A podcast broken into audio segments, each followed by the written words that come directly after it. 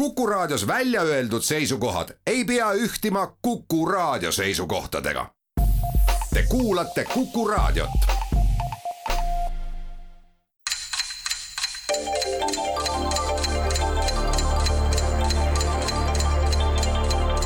tarkade klubi targemaid küsijaid toetab lisateadmistega Postimehe raamatukirjastus tere päevast, head Kuku raadio kuulajad, minu nimi on Hannes Rumm, juhin tänast Tarkade klubi saadet, sest saate püsijuht Timo Tarve on auga ära teenitud suvepuhkusel. ja jätkame sealt, kust me eelmises saates sõna otseses mõttes pooleli jäime, sest eelmises saates jäid Tallinna ja Tartu võistkond, võistkondade vaheline mõõduvõtt viiki neli-neli aga mõtlesin, kuidas saadet niimoodi timolikult ja, ja suviselt sisse juhatada, esmalt meenus poole sajandi tagune Juhan Viidingu luuletus Väljas lõõmab juuli, õues lendab vikat, tänapäeval enam vikatid õues ei lenda, hoopis naabrid on need, kes teevad meile head uju oma trimmerdamisega, seetõttu võtsin Viidingu asemel hoopis tema noorema kolleegi Wimbergi suveluuletuse ja kõlab see nii.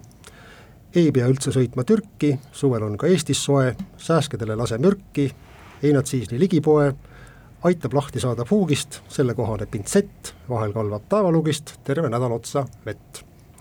loodame, et äh, eestlased ei pea tänavu sõitma Türki ja nädal otsa vett järjest ei kalla, vähemalt äh, suve esimene ots on olnud üsna kena. aga nüüd tänase saate külaliste juurde, Tallinnat esindavad Epp Kõiv, riigiametnik ja Kuldviljaku tšempion, Epp, mis on sinu suvine elamus number üks olnud siiamaani? Noh, naljatledes võib-olla ütleks, et äh, mõni aeg tagasi õnnestus mul käia Londonis ja mul õnnestus läbida lennujaam kõigest äh, kahe tunniga. ja EPPO partner on Hannes Palang, Tallinna Ülikooli geograafiaprofessor, staažikas mälumängija ja küsin ka sinu käest, Hannes, milline on senine suve eredam hetk sinu jaoks? Vastuseks tahan ma tervitada kõiki neid tambekuid ja lindameid, kes siin mõni aeg tagasi liigustesse Aru talusse kogunesid ja terve hulga suuri suguharu jutte üle viieteist aasta jälle selgeks rääkisid ja omavahel läbi arutasid, et see on noh, suhteliselt ületamatu elamus sel suvel. Äh, rõõmustame koos sinuga ja läheme jutujärjega Tartusse, kus on istet võtnud Anna-Linda Varik ja Robert Varik, abielupaar, nii harva kui neid kui need Tarkade klubis ka esineb, kui üldse siiamaani on esinenud, Anna-Linda ja Robert tegid väga väärika debüüdi eelmises saates, loodame, et hästi läheb neil ka tänavu, äh, Anna-Linda on Haridus- ja Teadusministeeriumi rahvusvahelise koostöö nõunik ning Tartu meister üksikmälumängus, tere Anna ja kuidas sinul suvi on siiamaani läinud, mis on selle eredam hetk?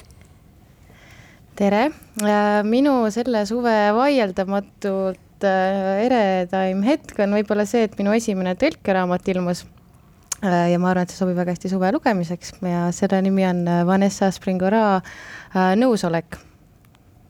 Anna-Linda partner on siis tema abikaasa Robert Varik, Tartu Ülikooli ajaloomagistrant ja samuti Tartu üksikmälumängu meister tudengite arvestuses. Robert, millise tõlkega oled sina valmis saanud või mis on sinu äredaim suveelamus siiamaani? Arvan, minu kõige eredam suveelamus oli juunikuus mõned nädalad tagasi, kui me käisime esimest korda koos Anna-Lindaga Veneetsias, et sealsed restoranid ja, ja avastus, et tegelikult Veneetsia ei olegi nii ülerahvastatud, kui võib-olla meediast jääb mulje, vähemalt, vähemalt sealsed sellised perifeersed kohad, seega soovitan kõigil kuulajatel. aga läheme siis tänase saate juurde, teemasid on nagu ikka viis teema pealkirjad olen nagu ikka laenanud populaarsetest lauludest ja kõlavad need täna nii. Soome, Soome, perkele Soome. kriminaaltango, ei leiuta elu pole kerge, ei me ette tea, kaunim linn on Eestis Tartu. kuna eelmine kord alustas Tartu, siis seekord anname teemavaliku õiguse esmalt Tallinnale. võtame siis selle ei me ette tea, see vist on see no. Vaaria või? Ei me ette tea, on vaaria küsimus. nii. ja kõlab esimene küsimus sellest sarjast niimoodi. Winston Churchill sündis kolmekümnendal novembril tuhat kaheksasada seitsekümmend neli Blenheimi palees, mis kuulus sajandeid Inglismaa ühele rikkamale perele. see palee on nii suur ja eripärane, et on ainuke mittekuninglik maal asuv maja, mida Inglismaal paleeks kutsutakse ja see maja on siis ka nii suur ja nii suurejooneline, et tänapäeval on ta võetud UNESCO maailma kultuuripärandi nimekirja. Churchill teadupärast oli väga teravkeelne mees ja kui ta hiljem oma äh, sünnikodu meenutas, siis ta ütles niimoodi. Blenheimi palees tegin ma oma elu kaks kõige olulisemat otsust. siin otsustasin ma, punktiil joon, ja siin otsustasin ma abielluda. milline oli esimene otsus? Kas, mis on enne abiellumist otsus mm? -hmm. kuivõrd Churchill oli hästi terava keelega mees, äkki see ei peagi olema midagi nagu, äkki see on midagi sellist, mis päriselt ei tundu loogiline, nagu näiteks siin otsustasin ma sündida ja siin otsustasin ma abielluda no Aga... ta võis ju teha igasuguseid muid asju ka ju, tal oli väga selge seisukoht spordi osas näiteks ja mm. -hmm, et seda ei tasu teha või? no sports mm. -hmm. samas see tundub kuidagi väga spetsiifiline selliseks löövaks lauseks või? no mine ise, Hane, tead, tema ennast selle koha peal tagasi hoidnud, teine võimalus see, et ta otsustas äh,, no see ei ole nüüd selle otsuse alla see, kui ta, kui ta arvas, et äh, ei seisa püsti, kui on võimalik istuda ja ei istu, kui on võimalik pikali mm -hmm. olla või, või otsustas ta suitsetama hakata, oma sigarid mm -hmm. võttis kasutusele seal või mm? -hmm no kõik on ju täitsa no, adekvaatsed just. pakkumised aga ma mõtlen, mis, mis oli veel, nojah, abielluda. see abiellumine on ikkagi selline isiklik asi, on ju, et kas see teine on siis midagi sellist määravama tähtsusega ajaloo jaoks? siin võtsin ma vastu kaks otsust, noh teine võimalus võib olla see, et ta tegi mingisugused Eh, otsused, et hakkas poliitilist, poliitiliselt, tähendab, valis poliitiku karjääri seal või, või, või noh, otsustas mingi, ma ei tea, kuninganna mm -hmm. teenistusse asuda või, või noh, kuidas iganes seda sõnastada mm. -hmm. aga mulle tundub ikkagi, et kuna see on selline ajalukku läinud tsitaat, siis see peaks olema selline ühesõnaline, et nagu siin otsustasin ma seda teha ja siin otsustasin ma abielluda, kuidagi nii see tõesti on hetkel vahel mm. -hmm. et mulle näib, et see peab olema midagi hästi lühikest või konkreetset siis üks asi, mis ta tegi, et ähm... ja teie vastus on? No oli. Ei taha seda vastutust enda peale võtta, aga ma rõõmuga lükkan. ma ei tea, kas see sündimise värk ei tundu sulle kuidagi nagu no võib panna ka, et sealt niisugune otsustus sündida Epp oma emaliku instinktiga tabas õige vastuse kohe ära, tõepoolest ütles Churchill, siin palees otsustasin ma sündida ja abielluda. ja mingis mõttes see oligi tema otsus, sest Winstoni ema oli ameeriklanna, tänapäeva mõistes tõeline peoloom ja see otsus oleks võinud tulla ka kusagil mujal, üldse mitte tema kodupalees. nii et Tallinn läheb üks-null ette ja Tartu valib järgmise teema. ma arvan, et tartlasena oleks patt mitte võtta, äh, kasutada võimalust, äh, ühesõnaga, et võtaksime selle Tartu teema. ja tõepoolest, eks teie asi ongi Kuku kuulajatele meelde tuletada, et kaunim linn on Eestis Tartu. ja küsimus keil, teile kõlab niimoodi. nagu te hästi teate, nimetati teie kodulinnas hiljuti Võidusild ümber Rahusillaks.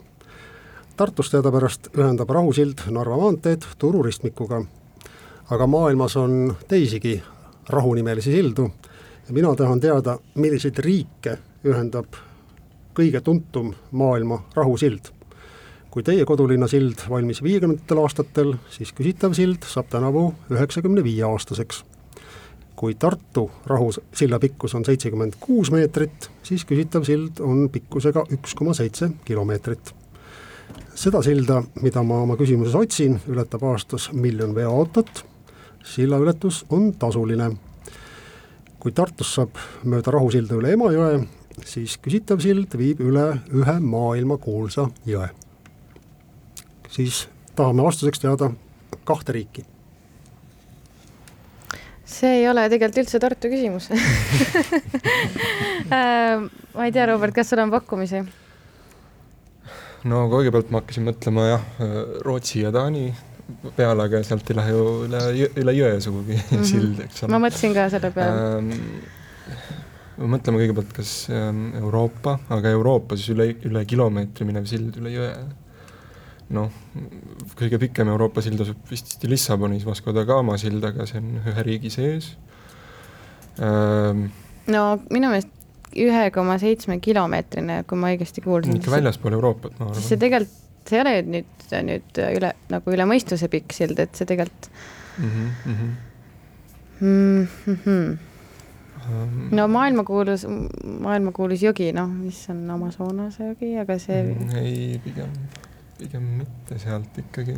kuigi jah, see on tõesti niisugune väga veerohke jõgi, sest ongi maailma kõige veerohkem jõgi, et aga ma ei tea, kas Amazonas on niimoodi kahe piiri, kahe riigi vahelt minev jõgi ei küsimus. ole mm,. Uh, ühe, see oli siis aastal üheksakümmend viie, viis aastat vanaks ja siis on tuhat üheksasada seal kakskümmend seitse. Mhm. just, siis, siis lasti sild käiku ametlikult. jah, uh, noh, mõtleme ka, mis riik, riigid pidi ikka üpris jõukas piirkond olema, et niisugune sild ehitada, eks ole, et ei, arvan, et pigem mitte Hiinas siis näiteks või ka mitte Venemaal või noh, tol ajal Nõukogude Liidus, eks ole. samas ei, Nõukogude Liit muidugi ei tahtnud ka väga sildasid ehitada tol ajal, eks ole. Ähm,. mõne, mõni koloonia, aga päris, päris hea küsimus. Tänan, tänan, väga vaikselt hakkan teie poolt ka vastust ootama. jaa rahusild, rahusild, see on siis võib-olla kaks riiki, mis omavahel väga hästi läbi varem ei saanud, eks. no ma mõtlesin ka, et kuskil Kesk-Euroopa poole ikkagi vaadata mm. Lääne no samas rahu, ütleme Nõukogude Nõukogude Liidus see sõna nagu meeldis seda nime panna, eks ju, asjadele ähm,. aga ma ikkagi ei oska midagi pakkuda, ütlen ausalt, et Aafrika pigem mitte. no ma ei tea, paneme ikkagi sealt Lõuna-Ameerikast midagi siis äkki, ma ei tea, Brasiilia, Argentiina, see on, Amazonas on ikka põhja pool rohkem mm, -hmm. eks ju, aga Argentiinasse see ei jõua ju. äkki Brasiilia, mingi Boliivia või Peruu? ei, Peruu on, jääb kaugeks juba ähm.... paneme Brasiilia ja Boliivia. Brasiilia no, ja Boliivia ei too teile ka mitte poolt punkti. ja vastamise kord on Tallinna käes, palun mm. -hmm. no tasub mõelda siis, et kus kohas on jõgi riigipiiriks esiteks, eks ole. ja maailmakuulus jõgi riigipiiriks. maailmakuulus jõgi jah, aga samas noh, mis jõed on maailmakuulsad? no kui sa, kui sa nüüd, samas nad peavad nagu suhteliselt laiad olema, see üks koma seitse kilomeetrit on, on piisavalt pikk. Venemaal piirijõena tuleb ainult hiinlastega Amur, aga seal vist ühe koma seitsme kilomeetriga ei pruugi hakkama saada ja kas see on maailmakuulus jõgi selles kas ta on maailmakuulus ja kas seal on tasuline ja kas sealt nüüd miljoneid veoautosid, see on natuke kahtlane. no see India, Pakistan ja Indus, et kas kahekümne seitsmendal aastal need riigid olid ju mõlemad Briti kolooniad, et Just. siis, siis ei olnud riikidevaheline sild, aga samas, kas ta pidigi siis ja sellest olema? ei olnud mingit juttu, et ta siis pidi riikide jah, ei peagi võib-olla olema siis jah. aga samas see rahu, rahusild, et kas juba siis oli mingid probleemid neil seal? ei no meil see väike moslemite teema kogu aeg on, aga see võib olla siis on üks võimalus, et on USA-st Mehhikosse kuskil üle Rio, Rio Grande, Grande kuskil seal. aga samas, miks seal peaks olema rahusild kahekümnendatel? ei tunduks väga teemas. no sa mõtled ikkagi selle Donau ja Bulgaaria-Rumeenia peale või? Mm, võib-olla või siis ka see India-Pakistani variant, et mul mujal rahusild. selles mõttes, et see nimi Rahu viitaks justkui sellele, et seal pidi olema no see rahu välistaks USA minu jaoks jah, ja ma olen nõus, et minu meelest see ei klapiks. ta on niisugune natukene teistmoodi. just, et ähm... nii, aga nüüd on, on teie arutelu muutunud õige hüplikuks ja ajusaks. ei, ma mõtlesin korra veel ka selle Argentiina Uruguay peale, et üle Paraná sealt, aga noh, see see pole vist nii kuulu, nii, nii kuulus jõgi ei ole vist. et jääme Rumeenia ja Bulgaaria ja või vali sina, et kumb sulle tundub, kas Euroopa või siis äh, India? üheksasada kakskümmend seitse miljon veoautot, see peaks India, Pakistan ja Indus olema ikkagi vist. see miljon veoautot on niisugune ähvardav asi. ja teie pakkumine on? no jätame, jätame selle India ja Pakistani praegu siia. ja need õiged riigid on USA ja Kanada ja Peace Bridge asub Erie jõe idaosast, kust algab Niagara jõgi ja sellest sillast kahekümne kilomeetri kaugusel asub maailmakuulus Niagara kosk. et jõgi tõepoolest ei ole nüüd väga pikk ja suur, aga nimi on kõigile väga hästi tuntud. see punkt jäi välja mängimata ja Tallinn saab valida järgmise teema noh, mis me võtame siis, võtame Tartult teise küsimuse eest ära, et nad ei saaks jaa, noh, Kuigi, võtame noh, Tartu. Tookord ju ei olnud Tartu, aga äkki no nüüd õnnestub siis, aga siis ei ole neil enam probleemi. no nüüd tuleb siis päris Tartu, Tartu, Tartu küsimus. kõlab see nii. üheksateistkümnendal märtsil tuhat üheksasada kolmkümmend kolm avaldas ärimees Karl Reinhold Postimehes valereklaami. ja tsiteerin seda reklaami. Hitler tuleb Tartusse. nagu kuulda, sõitvat Hitler, kes pääsenud Saksa riigi juhtimisele, lähemal ajal Balti riikidesse, esmajoones Eestisse, et siin vanemate ja suuremate firmadega ühendusse astuda vahetuskaubanduse elavdamiseks ja väidetavalt olevat siis Hitler eriti huvitatud selle firma toodangust, mida omas ja juhtis Reinhold. küsimus on, mida Reinhold Tartus tootis ja müüs. Postimees, Postimehes esimest korda on seda toodet märgitud aastal tuhat üheksasada kaks, siis teatas eelmise põlvkonna Tartu ärimees Sigmund von Kiiseritski, keda rahvakeeli hüüti Kitseritsik, et ta müüb küsitavat kaupa oma apteegis ja küsitavat kaupa müüdi koos selle kasutamiseks vajalike tarvikutega, mis olid toodud otse pealinnast Sankt-Peterburist. nii et mis see sajandi alguse ja kolmekümnendate aastate alguse Tartu selline kaup oli, et sajandi alguses toodi seda Sankt-Peterburist, aga kolmekümnendatel toodeti juba Tartus endas ja nii hästi, et väidetavalt isegi Hitler isiklikult tundis selle vastu huvi. ja müüdi apteegis koos igasuguste tarvikutega. no ütlen kohe, et see apteeker lihtsalt oli väga omast ajast eesmees ja leidis Laia mingi, leidis mingi uue kauba ja ja kuna tal apteegis müügipind oli olemas, siis ta võttis selle omal ajal müüdi igasugu asju apteegis, ka No sigarette ja aga üheksateist märts kolmkümmend kolm, ei no see on mingi enam-vähem juhuslik asi, aga, aga kolmkümmend kolm, et Hitlerile siis oli ta alles vast, selles mõttes, et tema algusaeg. mingit vuntsimääret või mingit niisugust idiootsust peaks pakkuma siin. jah, juukse, Hitleril oli see juuksetukk seal Mm. mm. lehvis uljalt, et selle, selle silumiseks mingisugust mm. mm -hmm. mingisugust mis asja., mis tarvikuid selleks? mingi kosmeetika või mis iganes, aga noh, seda ei saanud suurtes kogustes müüa ju. Aga noh, samas ka ta apteegis oli müügipind ja midagi müüs. mm. -hmm. aga samas Reinholdi firmast ei tea mina küll mitte midagi. ei tea mina ka. Kiiseritsist, Kiiseritskist seda vähem, et nii Tartu ikkagi ei ole, et, et selliseid asju peaks teadma.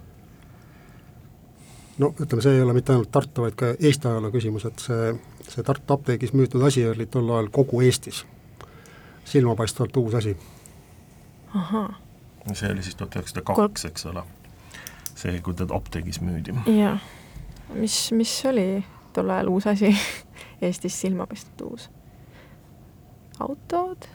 autosid apteegis küll, aga telefoni võis ta müüa seal näiteks, kas Reinholdist ei olnud mitte mingisugune aparaaditehaseid olnud hiljem? aa, Tartus oli küll ju. aga mida Hitler nende telefonidega, miks Hitler pidi tulema telefoni Tartusse tooma? Hitleri puhul oli tegemist täieliku valereklaamiga. just, no ma ei tea, pakume. no pakume telefonid. Telefonid ei ole õige vastus ja nüüd saame teada, kas Anna-Linda ja Robert tunnevad oma kodulinna kaubandusajalugu paremini kui tallinlased. Hmm. no minu esimene mõte oli kammid, kammivabrik Tartus, aga uh -huh. nüüd lõpus see, see mõte ja ma tean, et see, see kammivabrik oli niivõrd äh, tuntud, et nad tegidki välismaale äh, kamme ja, ja head, head tood-, tood-, toodangut pakkusid, aga nüüd lõpus see, et ta täitsa oli nagu mingisugune uus kahekümnenda sajandi nagu leiutis no aga see võis mingi juuksevaha või sihuke asi olla. mm. -hmm, mm -hmm. nojah no, sihuke nagu pu- pudukaup või ilukaup, mida nagu varem polnud põhjust niimoodi müüa või toota, et et ikkagi, kui turule toodi, siis, siis äh, oli see nagu, lõi laineid. vastame üldist, üldiselt, et juuksehooldusvahend siis me saame ka siukse üldise, üldise tagasiside, ma arvan, selle eest. Te saate väga konkreetse tagasiside. kas saate punkti või ei saa punkti? no vot, no just ähm, aga, ja ma mõtlen, et äh, aparaaditehas, kas ei ole sihuke nõukogudeaegne värk pigem? mm,? minu teada küll jah. No just. ma ei teagi, noh, Tartus oli veel noh, töö, tööstust tegelikult Tartus tol ajal ikkagi võrreldes, ma ei tea, Narva ja Tallinnaga ju väga ei olnud. oli gaasivabrik, aga see oli hoopis teine asi, eks ole ähm, ma ei tea, jääme ikkagi jah, kas, oota, sorry, kas Estoplast ei olnud Tartus ka, ei olnud, ei olnud? selle kohta ma ei tea. okei okay,, no ühesõnaga mina paneks ka need kammi, kammi variandi no tegelikult. paneme selle jah jah. no ma ei hakka teid piinama küsimusega, milliseid lisatarvikuid kammi kasutamisel te, te koduses, koduses peegli ees kasutate, aga, aga õige vastus on selline, et siis ähm, Karl Reinhold tootis Tartus grammofone. ja tema oli siis selline üks paljudest kolmekümnendate aastate Tartu grammofoni tootjatest, aga tema eelkäija von Kiiseritski oli siis esimene, üks esimesi inimesi, kes Eestisse importis grammofone, vähe sellest, mitte ainult grammofone, vaid ka plaate ja fonogramme, ja tõenäoliselt oli tema ka esimene inimene Eestis, kes siis paar aastat hiljem hakkas Eestis salvestama äh, plaate ja, ja fonogramme. aga teine küsimus järjest jääb meil välja mängimata ja tartlastel on võimalus valida teema. Kuidas see kolmas teema kõlas, leiutas? ei, leiutaja elu pole kerge. no võtame selle. jah, proovime seda. ja see küsimus kõlab nii. mille peale sai Thomas Alva Edison tuhande kaheksasaja kuuekümne kaheksandal aastal ehk ainult kahekümne kahe aastase mehena oma esimese patendi.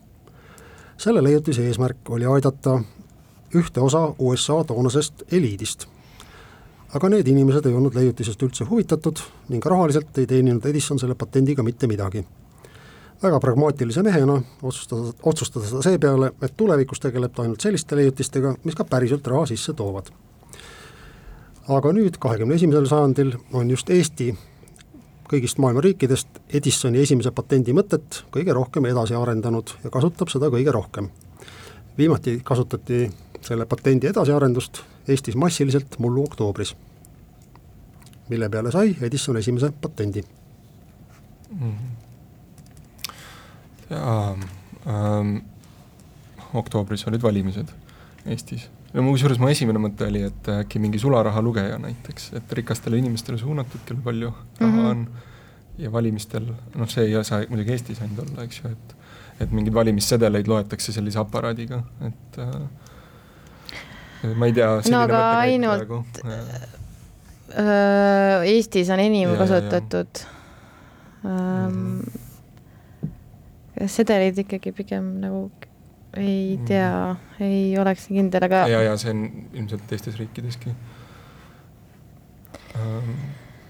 lihtsalt käisin mõtte välja, aga jah, noh, ikkagi, mis veel oktoobris oli Eestis edasiarendus ähm,, ma ikka kas mõt-, jääme valimiste juurde, mõtleme sealt edasi või mingid mis veel Eestis oktoobris aset leidis äh,? või um...? kas meil oli midagi uut, presidendi valimine oli ka jaa, ei, aga hmm, täiesti äh, jällegi Nonii äh,, raadioeeteris oli pikka vaikust. ja, ja sul ei tule midagi paremat? mul ei tule mitte midagi paremat praegu, tõesti, jah. no ütleme siis selle mingi ja? sularaha selline lugemisaparaat või ma ei tea, noh see on ikkagi üsna laialt kasutuses tegelikult ju kõik, igas pangas on no, äh, igas, igal pool maailmas. aga jah no,, ma olen nõus, jah. ja teie vastus on? Paneme sularahalugeja siis see ei too teile punkti ja Tallinn saab vastamise järje endale. nojah, minu mõtted läksid ka kohe valimistele ja, ja e-valimistele, aga mm. No kuidas see, ma ei kujuta ette, kuidas üheksateist sajandil Edison, mis Edison oli igavene elektrik, tema elektriga ja. mõtles seal mis iganes asju välja ja kui Eesti on eesrinnas ja massiliselt kasutab ja massiliselt see peab olema mingi e-teenus ka no ilmselt mingi e-teenus on, eks ole mm, -hmm. ja mida meil oktoobris massiliselt juhtus, noh, olid valimised. olid valimised. E-valiti. Aga vot nüüd, ega sa ei taha ju sealt seda seost, eks ole, et kuidas, kuidas täpselt see Eesti praegu seda Edisoni patenti kasutab, selle peale saatejuht raputab pead mm., nii palju on meil ette ette öeldud, ma ei tea, siis jääme selle mingisuguse e-valimiste teema peale või? mingi valimis, mingi elektrooniline või elektriline või mis iganes valimis, valimisi toetav vidinas. see toob teile punkti, sest väga kahju on, et Tartul jäi see esimese reaktsioonina välja tulnud vastuse variant välja pakkumata esimene asi, mille peale Thomas Alva Edison sai patendi, oli USA kongressi jaoks leiutatud elektroonilise hääletuse süsteem. aga kongresmenid ei olnud oma elu sellisest kergendamisest huvitatud ja siit edasi oleme jõudnud kahekümne esimesse sajandisse ja Eesti on siis maailma kõige pioneerim riik e-valimiste korraldamisel. kahju tartlastest, seis on kaks-null Tallinna kasuks, jätame tartlastele väikse reklaamipausi hingetõmbamiseks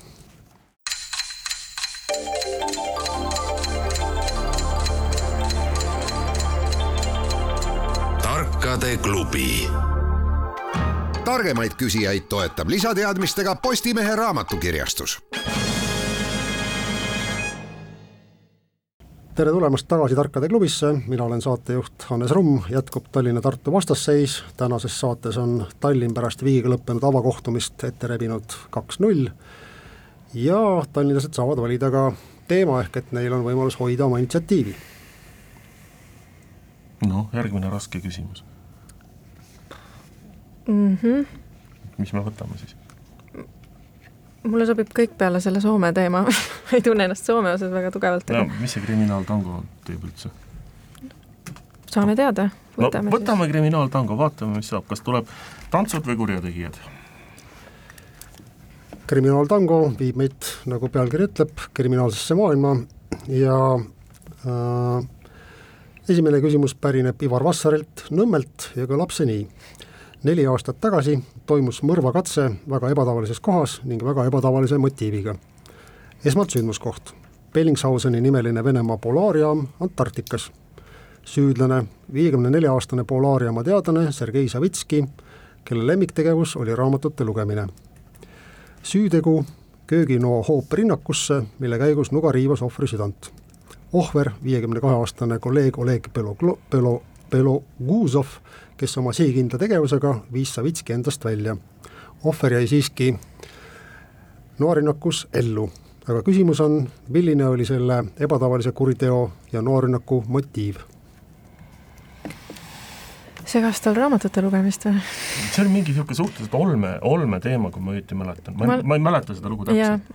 aga, aga kui sa oled seal polaarijaamas, siis äh, väiksemgi asi hakkab jah, ega neid väga palju ei jah. olnud seal ja siis ma ei tea, vaata valesti või ütle valesti või noh mm -hmm., no ma ei tea, raamatu lugemine on piisavalt niisugune või ütles äkki, et talle ei meeldi mingi raamat, mis, mis, mis sellele viiekümne nelja aastasele ja siis tuleb öelda viisakalt, et läksid vaidlema raamatute teemal või? no näiteks, jah. on meil midagi paremat?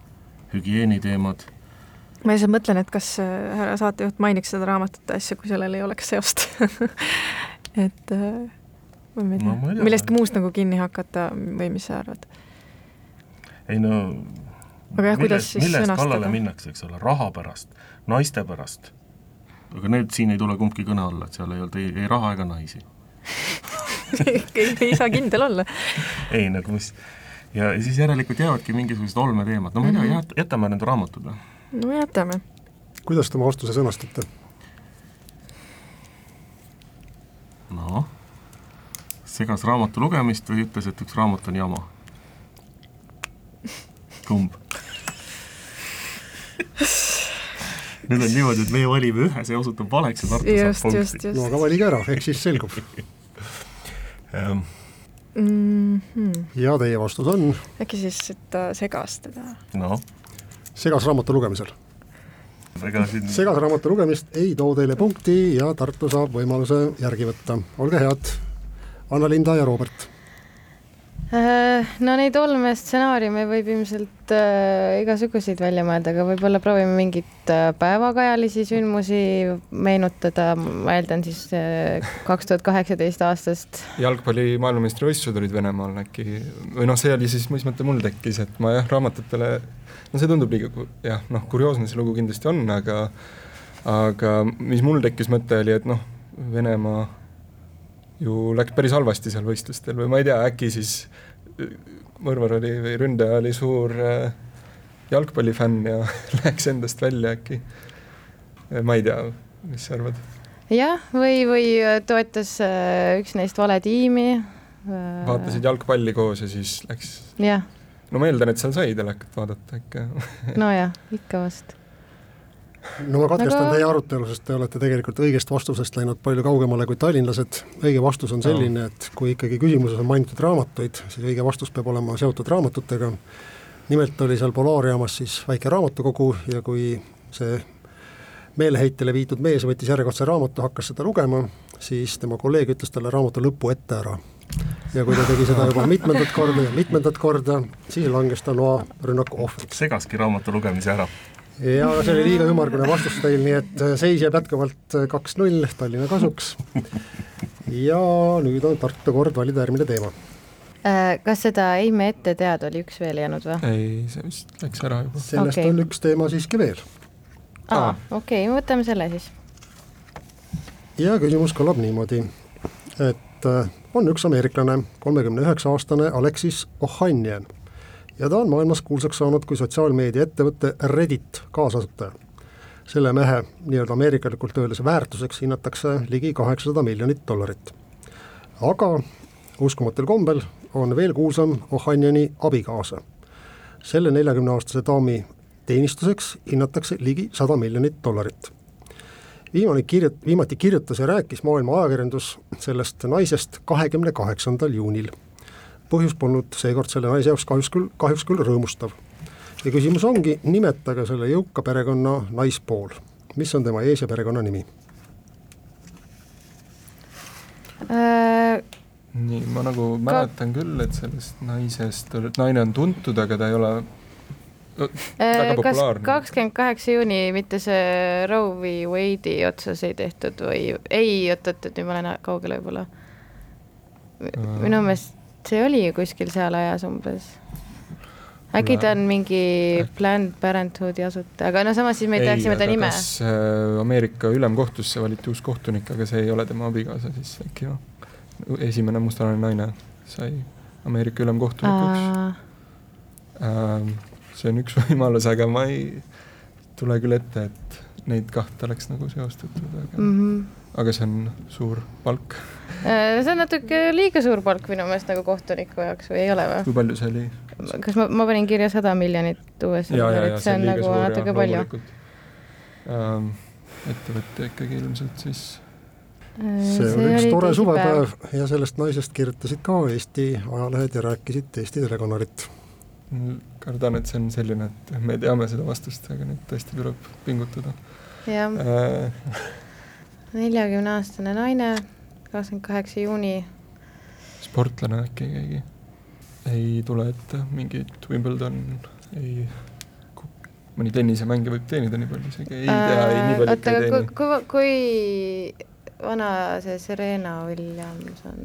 ja teie vastus on? praegu küll ei tule, ei tule meil see äh,? ei, paku, pakuks ikkagi mingit naistennisisti siis äh,, tegelikult äh, pakuks vastuseks, et see naine on äh, Williams no ma annan teile kaks punkti ära, sest küsitud oli ees- oh. ja perekonnanime, aga see naine on Aa, Serena Williams, kes neljakümne aastase tennisemängijana kahekümne kaheksandal juunil tegi comeback'i Wimbledonis, nagu te mainisite, kaotas kolmesetilise lahingu ja tegemist on siis tõepoolest naisega, kes on oma pealt kahekümne aastase karjääri jooksul teeninud peaaegu sada miljonit dollarit, nii et Tartul küll väga-väga raskelt ja vaevaliselt see vastus tuli, aga see vastus tõi teile tänase mängu esimese punkti. ja Tallinn saab valida järgmise teema, Tallinn muidugi ahastas teie, teie arutelu kuulates, sest neil oli vastus ahastas. ammu teada.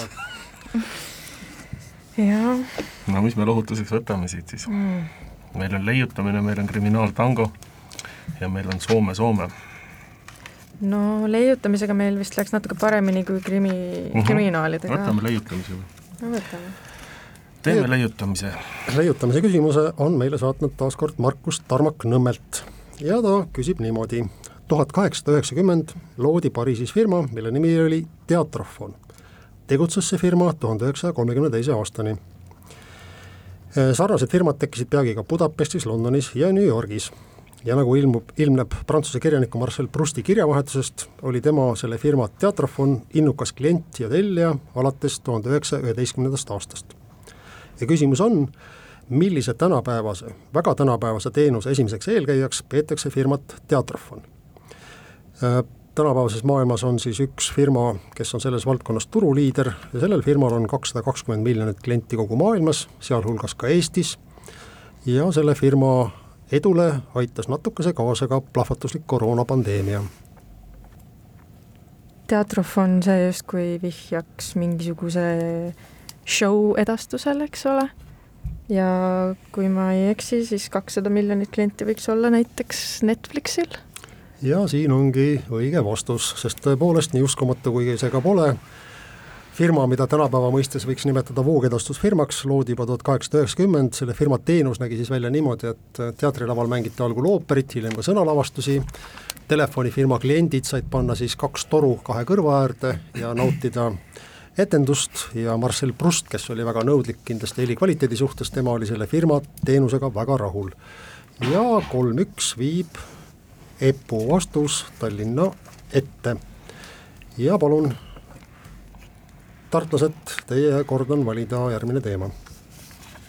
Äh, no keegi ei julge seda Soomet puudutada, võtame meiegi siis selle kriminaalse tango seekord või? Et jätame Äh, jätkame siis kriminaalse teemaga, äh, järgmine mõrv toimus umbes kolm tuhat aastat tagasi.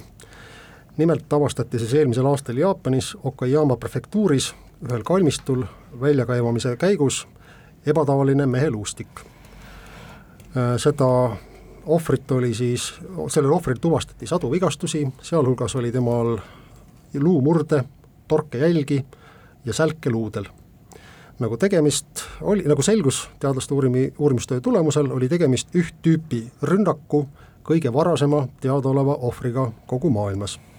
ja kuna mehe vigastused polnud paranenud, siis järeldasid teadlased, et see rünnak oli olnud tappev. Küsimus on, kes oli ründaja? sedalaadi vigastus või ühesõnaga, et hmm. tõesti äkki mingi looduslik põhjus siis? aa jah Või... Te, tegelikult sul on õigus ilmselt jah, looduslik äh, põhjus okay., torkehaar. torked, mis, mis asi on, mis, mis asi põhjustab nii torkeid kui ka nagu mingeid luumurde ja rahe näiteks. no kui see peab ikka eks väga kõva ei, rahe olema, kuigi Neid võib tulla ette aeg-ajalt ikka päris suuri siukseid rahe nojah no. tükke kukub peale no ja siis, ja siis tal ei olnud kuskile siis nagu pääsu, see kõlab nagu päris no, sai vastu pead võib-olla ühe korra ja no, siis okay. juba kaotas teadvuse, ma ei tea. võib olla päris ohtlik, et noh, ma ei kujuta ette ühtegi teist loo... küsimus oli, ma meenutan, kes oli ründaja? kes? aa, okei vabandust. kes, okei okay..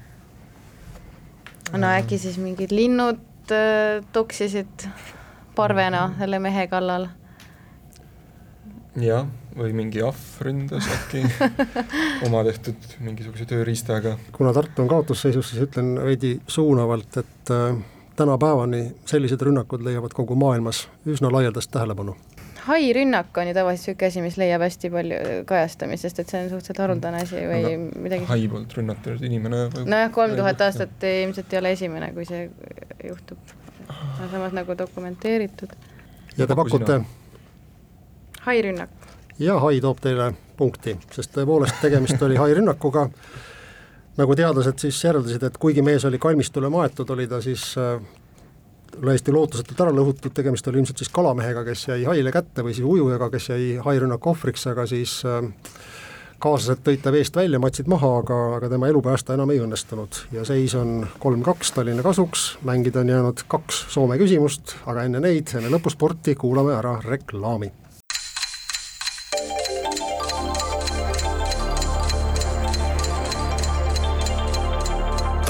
raamatuklubi. Targemaid küsijaid toetab lisateadmistega Postimehe raamatukirjastus.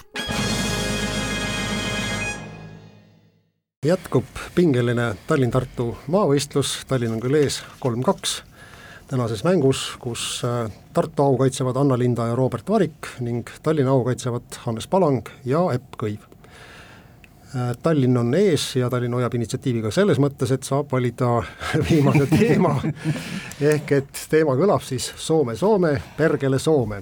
muuseas, kolmkümmend aastat tagasi Eesti popmuusika edetabelis oli esikohal pikka aega just see laul, kas keegi teab, kes oli laulu esitaja, see oli kaverdaja? noh, tead.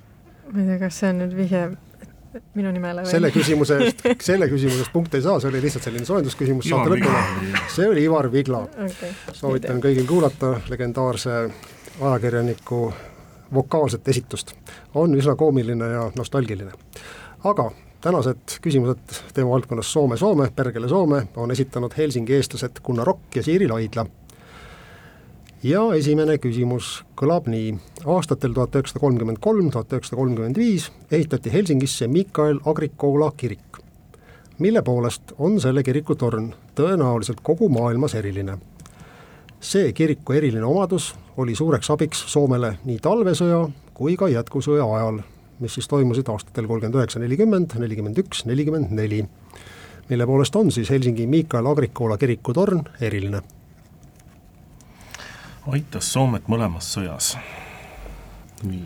kas seal oli mingi snaiper otsas snaiper, vaata venelased nii ju Helsingile lähedale ei jõudnud, aga kas siis oli lennuki vaataja oli seal otsas, et mingi, või oli siis, oota, aga siis aga mingi kuulus Soome snaiper on ju? ei, ei, see oli kuskil Lapimaal ah,, see okay. H-tähe pealt, Simo Häuhe aga seal võis olla mingi õhutõrje, õhutõrje vidinas võis seal otsas olla, nüüd küsib jälle, et mis asi see seal oli, et kontser või pukk, aga seda me ei ütle, et äkki oli seal torni otsas siis mingisugune õhutõrje või?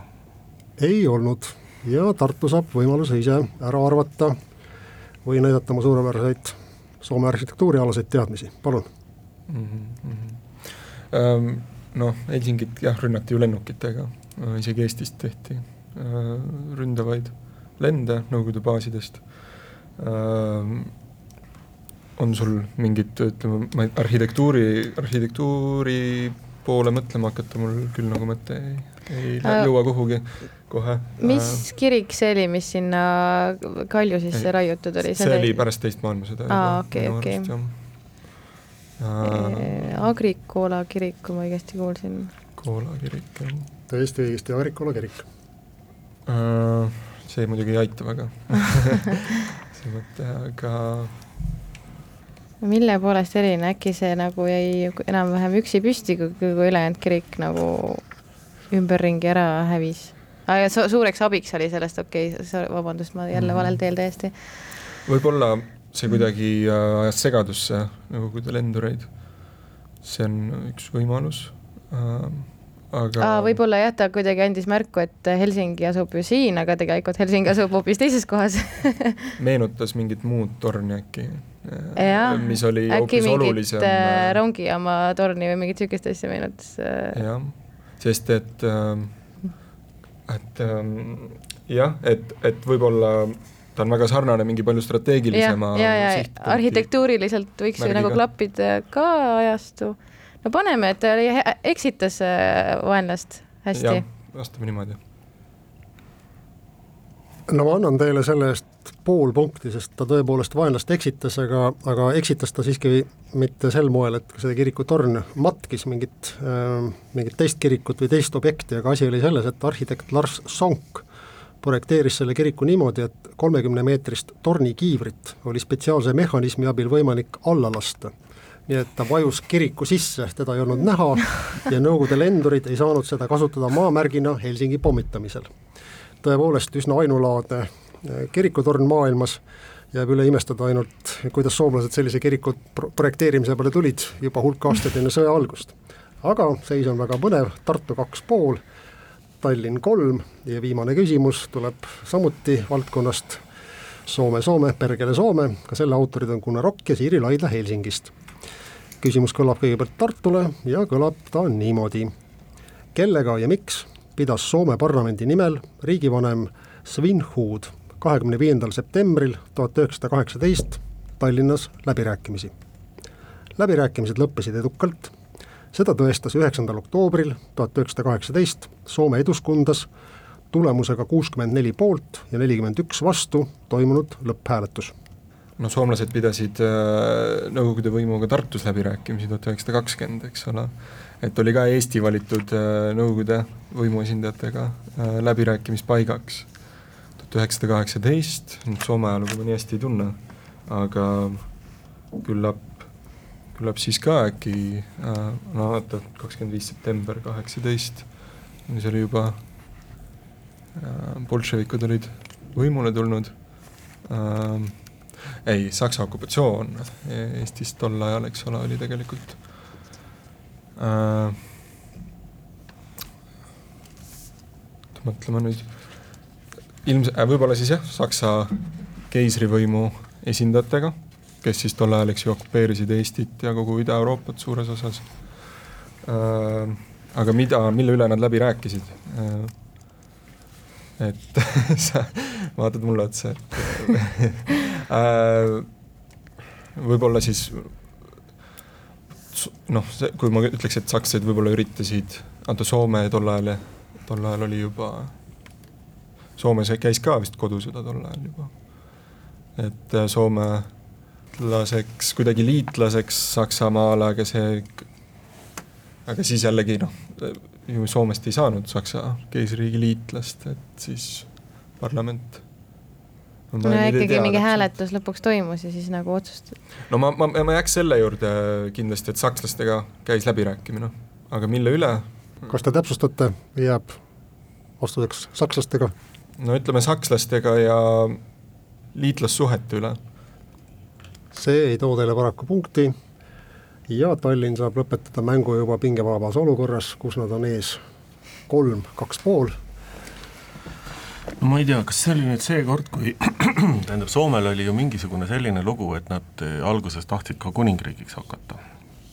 ja nad ei tahtnud minu meelest rootslast kuningaks, nad tahtsid, oeh, nüüd selle koha peal, kus nimi on, selle peal mul on nüüd mäluauk, aga tahtsid kas Saksa keisri perekonnast või oli see nende baltisaksa aadlike hulgast, ühesõnaga tahtsid omale sakslasest kuningat, aga kas nüüd see oli kaheksateistkümnendal aastal veel või?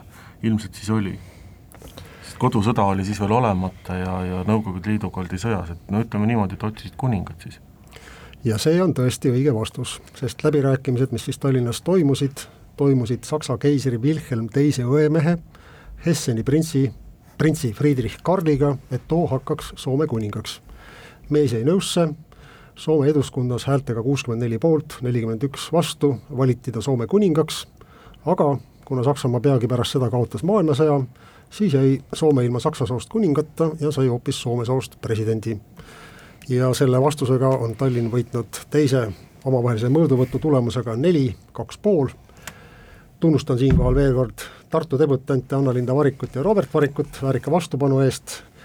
Ja õnnitlen võidu puhul tallinlasi Epp Kõivu ja Hannes Palangut ja lõpetuseks küsin nagu ikka, milline oli teie parim või lemmikküsimus sellest saatest? ma ei tea, minu meelest see Soome kiriku ja. küsimus oli päris lahe.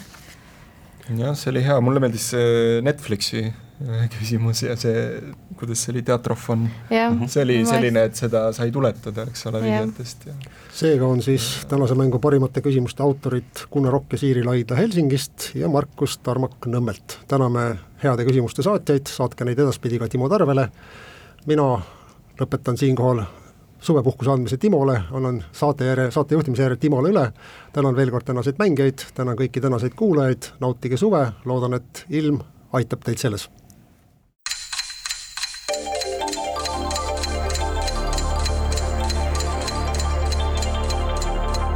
Tarkade klubi. Targemaid küsijaid toetab lisateadmistega Postimehe raamatukirjastus